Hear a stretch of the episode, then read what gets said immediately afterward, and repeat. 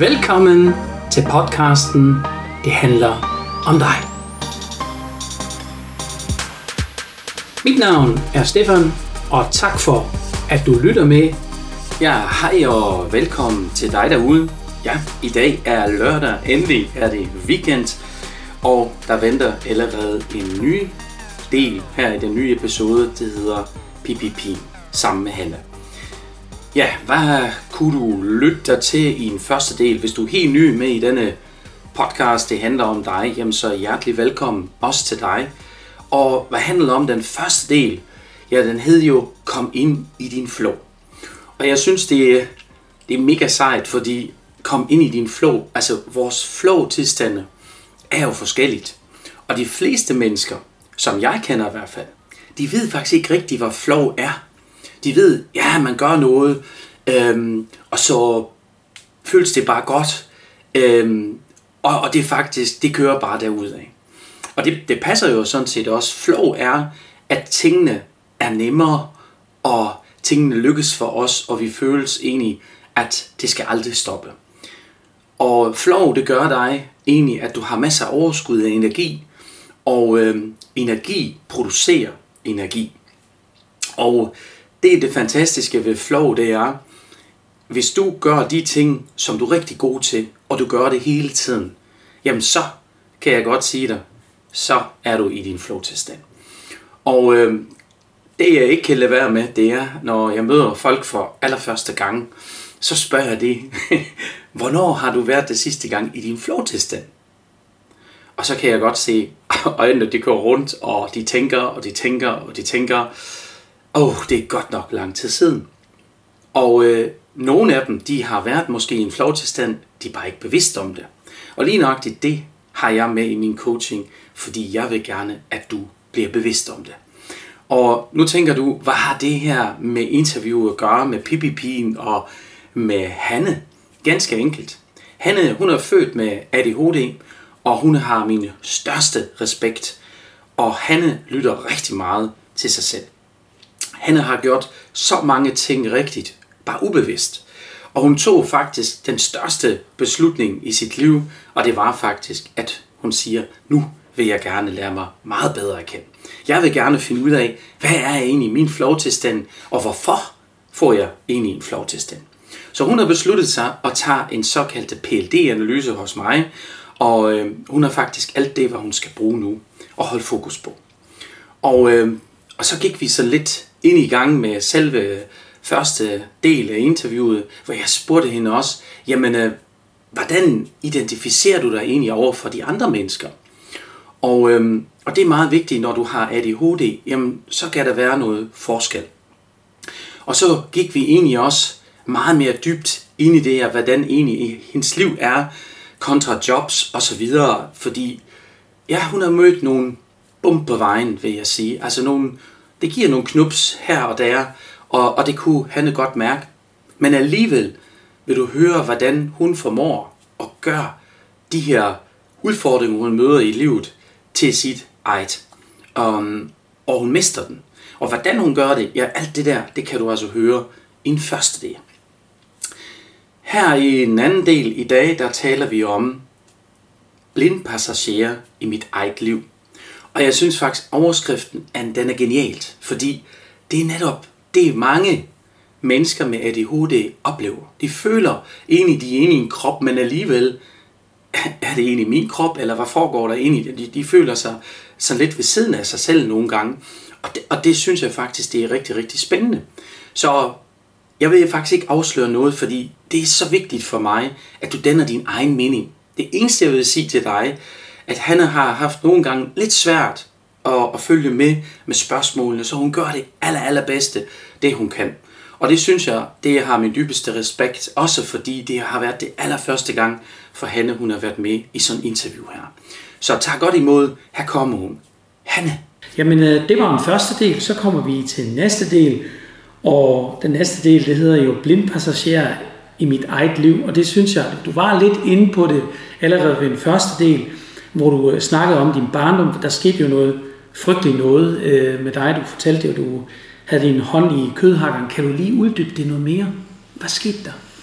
Jamen, det skete jo det, at øh, børn, de er jo, de er jo født nysgerrige, så de ser med fingrene, og det gør jeg også som barn, og jeg tænker også lidt, at, at øh, jeg måske også var lidt mundfuld for min mor, fordi at jeg, jeg var bare nysgerrig, jeg var i alt, overalt, på alt.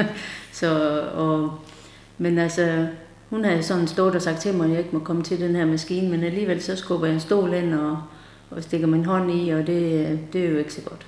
Så, så mm. det, det koster lige et par måneder på sygehuset. Mm. Men jeg synes, det er utroligt, at, at, de, at de kunne næsten rekonstruere din hånd igen. Altså, det må jeg sige. De lappede den sammen i hvert fald så godt ja. det kunne, og det er da, jeg synes, øh, det er i hvert fald, jeg har ikke følt, det har begrænset mig. Altså andet, at, at det er jo kommet noget slidgik med tiden jo.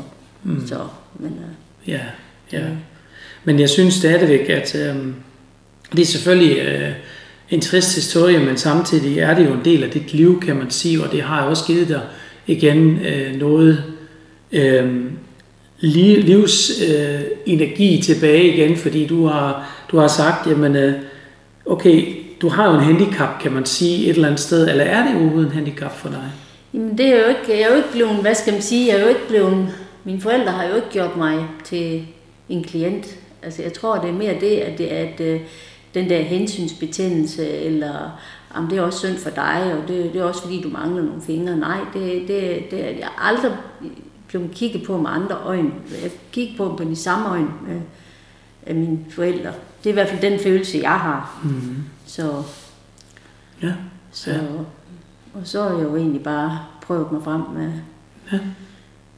Altså på de sociale netværk, for eksempel kan jeg huske, at jeg har lavet en film, eller ikke mig, der har lavet det, men øh, jeg har delt en, en film øh, på de sociale netværk, blandt andet LinkedIn, kan jeg huske, øh, hvor der var en mand, han har ikke haft nogen arm.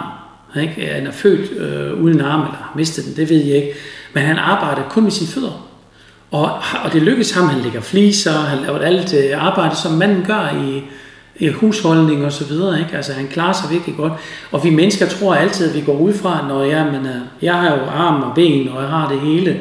Så tænker vi, stakkels mand, ikke? Men altså, for ham er det jo normalt, om man ikke har to arme. Så har han jo lært at, at leve, og, og han kører bil, og altså alle de ting, som vi alle andre gør. Altså for ham er det jo ikke et handicap som sådan, ikke? Altså jeg kan huske som barn, jeg var jo sådan flov over min hånd.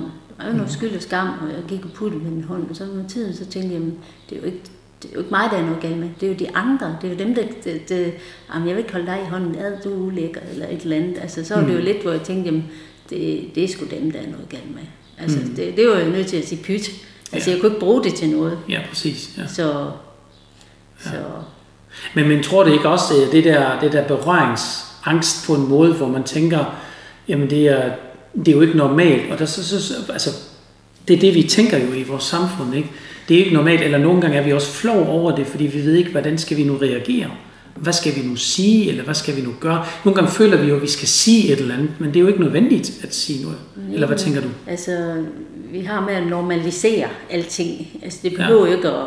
Altså, børn er jo meget fri. De har jo altid sagt, Ej, hvad skal med din hånd? Altså, børn de er jo mega altså, nysgerrige. Og, altså, mm det, det er jo der, hvor jeg ligesom, hvor jeg ligesom har skulle lige åbne op for min historie, og de, oh, oh, ja. ja.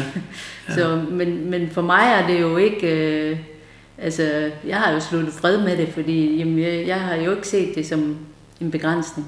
Mm, mm. Nu, nu hedder jo hovedoverskriften uh, blind passager i mit eget liv. Ja. Og det er egentlig det, vi fortæller lidt også. Det er ja. lidt ADHD også. Jo. jo, altså, jeg er sådan mange gange, hvor jeg sådan, et ADHD er et energivampyr, så, så det gør, at man bliver tappet for energi. Øh, sådan ubevidst, så tænker man, altid været meget træt, så når der var dagplejer, så kl. 8 om aftenen, så havde jeg bare nedsmeltning, altså, så gik jeg kold. Mm. Øhm, og altså, tit siddet øh, til P-møder og været ved at falde i søvn. Altså øh, falde i søvn som sidepassager i bilen, altid siddet og sovet og hmm. ser aldrig slutningen på en film. Aldrig. Okay, ja. Så, så du kan simpelthen ikke koncentrere dig hele, hele vejen igennem? Jamen, jeg, jeg bliver træt. Ja. Jeg bliver simpelthen sådan, at øh, bliver døsig, og så falder jeg i søvn. Altså, ja. jeg, simpelthen, hvor jeg må sidde til møde og, og gøre en masse ting, gøre noget for at holde mig i gang. Ja. Og Ja. hvor jeg nærmest, øh, ja, Altså, så du tvinger dig til aktivitet Ja, på en måde. ja, og det er jo også det, børn gør om aftenen, ja. hvis de ikke lige vil sove, så begynder de at kravle lidt på væggene og, og for at, jeg skal ikke sove nu, eller Ja, ja. det, det er jo ja, det kan jeg godt huske. Ja. ja, det havde vi også. Jeg jeg har også tre børn, øh, og det kan jeg godt huske, de bliver pludselig meget aktive, Ja. fordi nu kan de mærke, nu bliver de træt, og de gider det ikke rigtigt, og det der overvældende, at, at nu bliver de træt, den der følelse, de Ja. har. Ja, det er rigtigt, ja. Det er meget, meget interessant. Ja. Øhm, ja, men øh, jeg synes også, øh, du har jo selv sagt det også, øh, jeg kan mange ting, øh, som giver mig mange muligheder. Kan du uddybe det lidt mere? Jamen nu for eksempel, da jeg læste pædagog, så synes jeg jo, så havde jeg bare lyst til at være svømmeinstruktør. Og så, så brugte jeg jo det, øh, min, min, min uddannelse, eller til at, at have noget leg og plask, og så fandt jeg lejen som motivation til, at øh, når de stod der på kanten og var bange for, for både badebukser, så, jamen så ved at jeg lavede øh, øh, ja, sådan noget, lavede nogle lege, så hoppede de bare i slikskål eller frugtsalat, eller så, så blev de sådan helt, de glemte alt om, de var bange for at hoppe i vandet. Mm. Så, så det var jo også et middel mod et mål, lejen. Mm. Så, så det kan noget. Fantastisk godt. Jamen, øhm, men, øh, men, men, men nu kom jeg også lidt ind i det der med hjernen. Altså nu, at du, du ser, og din hjerne, den, den vækker hele tiden i en anden retning, som du egentlig gerne vil. Ja. Men, kan du uddybe det noget mere, så vi lytter kan forstå lidt mere, hvordan... Jo, men altså, det, altså jeg vil også sige, men alligevel så finder jeg også noget at brænde for. Altså Mhm. på den måde, at øh, jamen, så for eksempel så synes jeg, at det med skole var svært for min datter, fordi hun var ordblind, og, Mhm. mm. og skolen ikke rigtig, øh, det er jeg så bevidst om i dag, at man at skolen handler rigtig meget om Excel-ark og sparkrigspolitik og, og den uendelige reform, og altså hele tiden øh, bliver der opfundet nogle nye sparkris. Mm. Så, men det er jo ikke børnenes skyld, det kan de jo ikke, øh, det er jo en usynlig ramme, Ja, at børn er, er gissel i, Ja, også ja. forældre. ja. Men øh, så tænkte jeg, men nu er jeg med i skolebestyrelsesarbejde, og det øh, engagerede jeg mig rigtig meget i, og, og så kunne jeg egentlig godt se, at, at øh, man var lidt op imod noget, som nogle magter, men ikke helt. Altså, så, så Ja. bliver man jo også lidt blind passager i, at man tror, man kan noget, men at man tror, man skal redde hele verden, og det kan man ikke. Nej. Det kan ikke, det, sådan mm. er det bare. Der må, nogle ting må vi erkende, Mm. at nå, den der done that. Ja, ja. Ja, der kommer vi også lidt tilbage igen til den der indgangskanal, ikke? Altså, hvordan, som vi nærmede også i uh, første del, ikke? Altså, det er, det, er, det, er, det er virkelig svært at ramme lige nøjagtigt den der, hvor, hvor, hvor det barn, som du selv siger, også nogle gange, der var du nødt til at holde dig vågen eller noget. Og hvis man har nu en iboende motivation, for eksempel høj aktivitet, og man har det også som barn, og man skal sidde stille i skolen, ikke? så kan det godt være en udfordring så begynder man, som bliver lidt mere, den indre uro kommer op i en. Eller man, øh, men jeg har det for eksempel også øh, her i min coaching, hvis jeg øh, har for eksempel et kursus, og jeg ved for eksempel, at der er nogle ledere, som har meget høj ledelse her, de, øh, de kan ikke sidde stille over to timer. Det, det kan simpelthen ikke lade sig gøre. Altså, de begynder allerede at få dårlig samvittighed. Jamen, jeg skal svare på den her mail, og jeg skal lige ringe til ham Peter, eller Christian, eller hvad, hvad de alle sammen hedder. Fordi de har det der behov for at lede andre mennesker. Øh, men hvis der nu er en anden en, der leder, og de skal sidde stille og bare lytte, det kan de simpelthen ikke finde ud af. Altså inden for to timer, altså jeg kan mærke allerede inden for en time, der begynder det allerede, for de begynder at sidde lidt mere roligt og, øhm, og hovedet den går frem og tilbage, og, og sådan nogle ting. Altså de, de, de, de kompenserer for den følelse, at de mangler noget, og det kræver energi af dem. Og nogle de gaber faktisk eller efter. Det, er det er jo coping. De prøver at cope. Ja. Så, så det, Præcis. Men nu for eksempel, øh, det med børn, altså hvis du er ordblind, så, så, så bliver vi jo målt og vejet øh, ud fra de samme, øh, hvad skal man sige, vi bliver målt og vejet øh, inden for det samme system og, og den samme ramme, men, men altså det er jo lidt ligesom at, at sige øh, til en fisk, øh, hvis man skal vurdere en fisks evner ud for at klatre i træer, så, så lever det hele livet, du tror, den er dum. Fordi Mm. mm. den, det er ud for den, den tror, den skal, noget, den skal kunne præstere. Mm-hmm. Altså, det, det er Albert Einsteins Mm-hmm. teori, og jeg synes, den er så god. Ja, men det, det er den også bestemt, og, og det giver også god mening. Fordi det, man tror, man er, man er forkert, og det er man jo slet ikke. Nej, slet ikke. Så Men, men andre giver os den følelse at vi er forkert. ja, Der, fordi andre ser det gennem deres briller, fordi de kan ikke forstå, de kan ikke læse dig som menneske, fordi de er ikke selv bevidste om sig selv. Øh, De ser bare dig, som du er, men de kan ikke læse dig.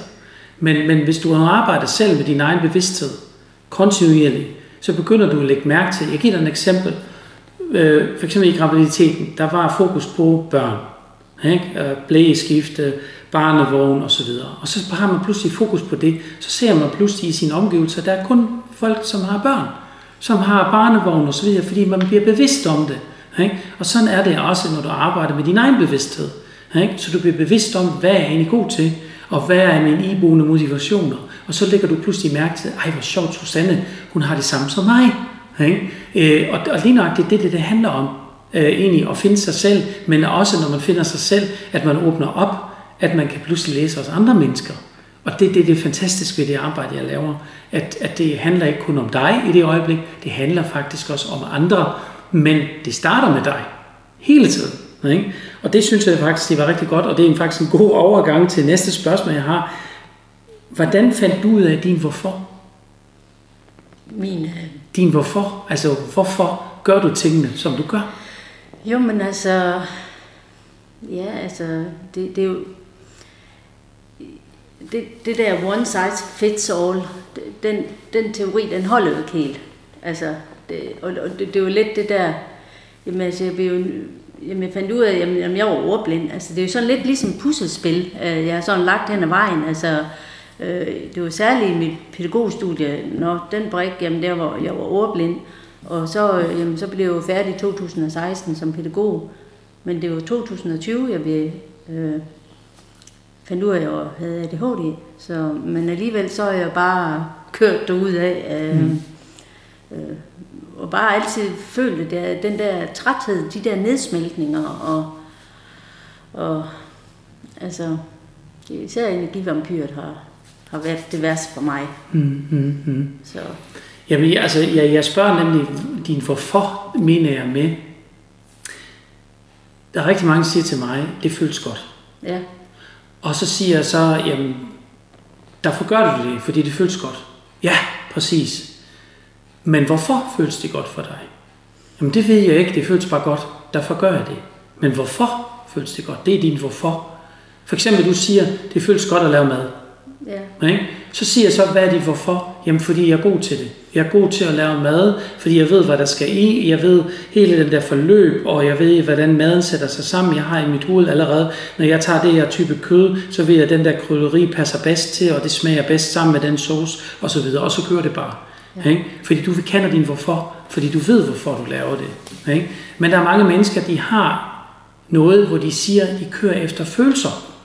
Og det er hele tiden følelsen, der bestemmer, men de ved ikke, hvorfor har jeg den følelse. Fordi de mangler den iboende motivation bagved. For eksempel, du kommer i en situation, du kommer ud på, på din arbejdsplads. Og nu har du en kollega, som er møghammerende irriterende for dig. Ikke? Og du ved ikke hvorfor. Ikke? Han er bare så møghammerende irriterende. Så finder du pludselig ud af, nå, i dag der ved jeg godt hvorfor, fordi jeg har meget harmoni. Jeg er et meget harmonimenneske. Men min kollega, han kender ikke det ord harmoni, fordi han er det modsatte af mig. Han er konkurrencemenneske. Så han vil gerne kæmpe med andre mennesker. Han elsker det jo at kæmpe. Men harmonimennesker, de gider ikke at kæmpe. De vil gerne, for eksempel, når der er en flue her inde i stuen, ikke? og den bliver ved med at irritere dig, så har de lyst til at sige, så, nu er der ro. Ja. Jo, Du gider kan ikke godt- kæmpe med Jeg kan fluen. godt øh, finde motivation fra min pædagogtid, og det, eller min dagplejetid, og det var fordi, jeg havde, en, jeg havde sådan nogle, jeg havde en, hjemme, en pædagog, der kom hjem til os, og jeg havde en dreng, og jeg, jeg har en datter, der også har ADHD, som er voksen. Øh, og hende kunne jeg bare se, jeg kunne se nogle tegn ved den her dreng, og jeg, jeg, jeg var træt af, når hun kom, så lyttede hun ikke til, hvad jeg sagde, og altså, jeg, jeg synes jo, at øh, jeg kunne se alle de her tegn, og så blev, så blev jeg sådan trigget af, at, øh, at, øh, at øh, jeg vil bedre nærmest. Altså, det, mm. det var nok den der at, øh, og, og det, det var så også øh, nok startskud til det. Jamen, Så jeg vil altså også være pædagog, så kan jeg i hvert fald også øh, komme med mine argumenter og, og, mm, og, og få ja. erfaring og, og ja. Ja. Så jeg tror, det var lidt den der med, at, at, øh, at det, det vækkede noget i mig. Ja, ja men, men, men igen, der lytter du jo pludselig til dig selv og ku- kunne mærke, det kan jeg ikke det her, det vil jeg gerne. Ja, Så bliver du faktisk nysgerrig på det, og så får du faktisk den der nysgerrighed, er din motivation i det øjeblik. Og så gør du tingene, fordi du siger, det vil jeg gerne ændre. Så du vil gerne lave forandring i dit liv. Du giver dig lov til, at der kommer forandring i dit liv. Jo. Så, og så gør du det, at du forandrer dig. Fordi du vil gerne forandre dig.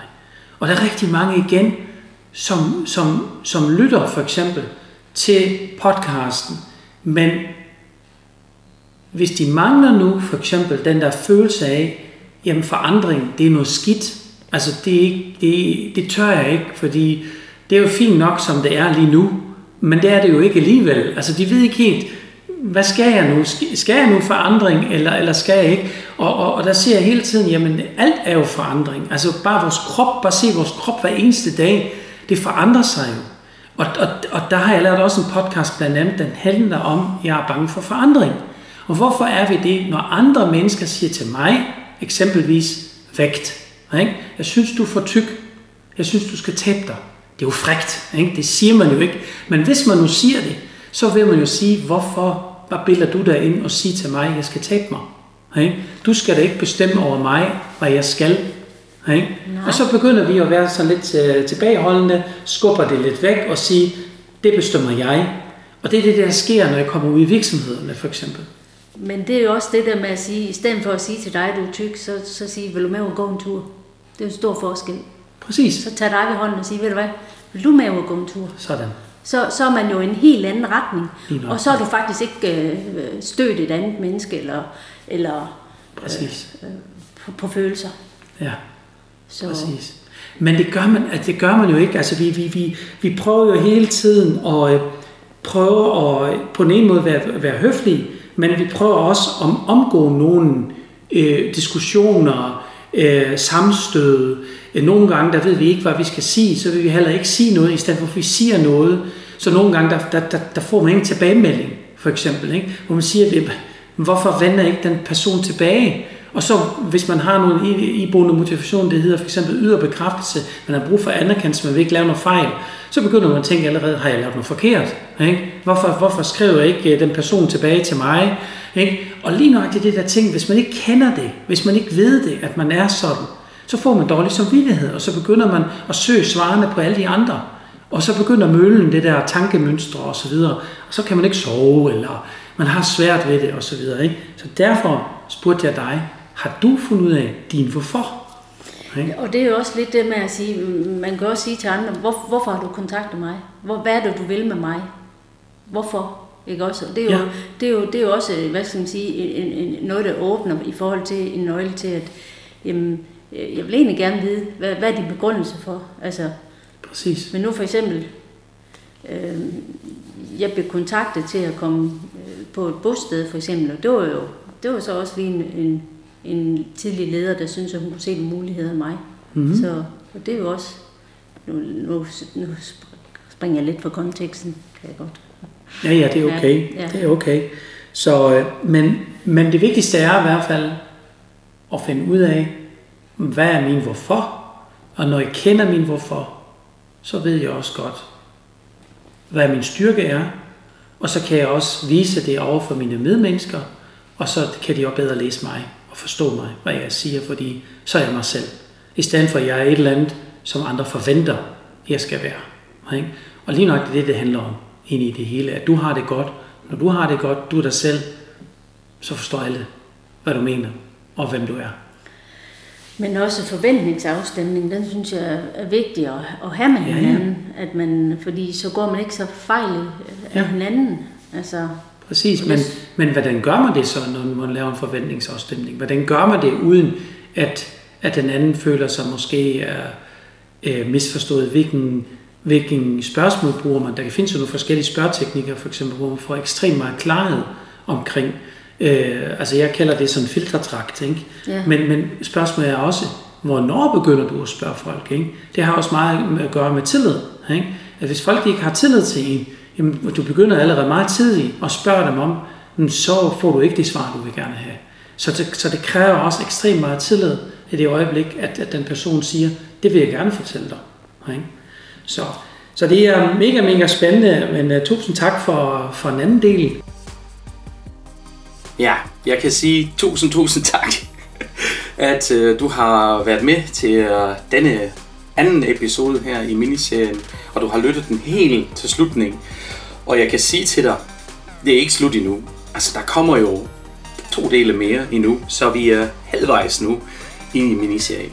Og, øhm, og lige nøjagtigt, den næste afsnit, der kommer her, den hedder egentlig Bum på vejen. Jeg nævnte det helt i starten, jeg ved ikke, om du kan huske det.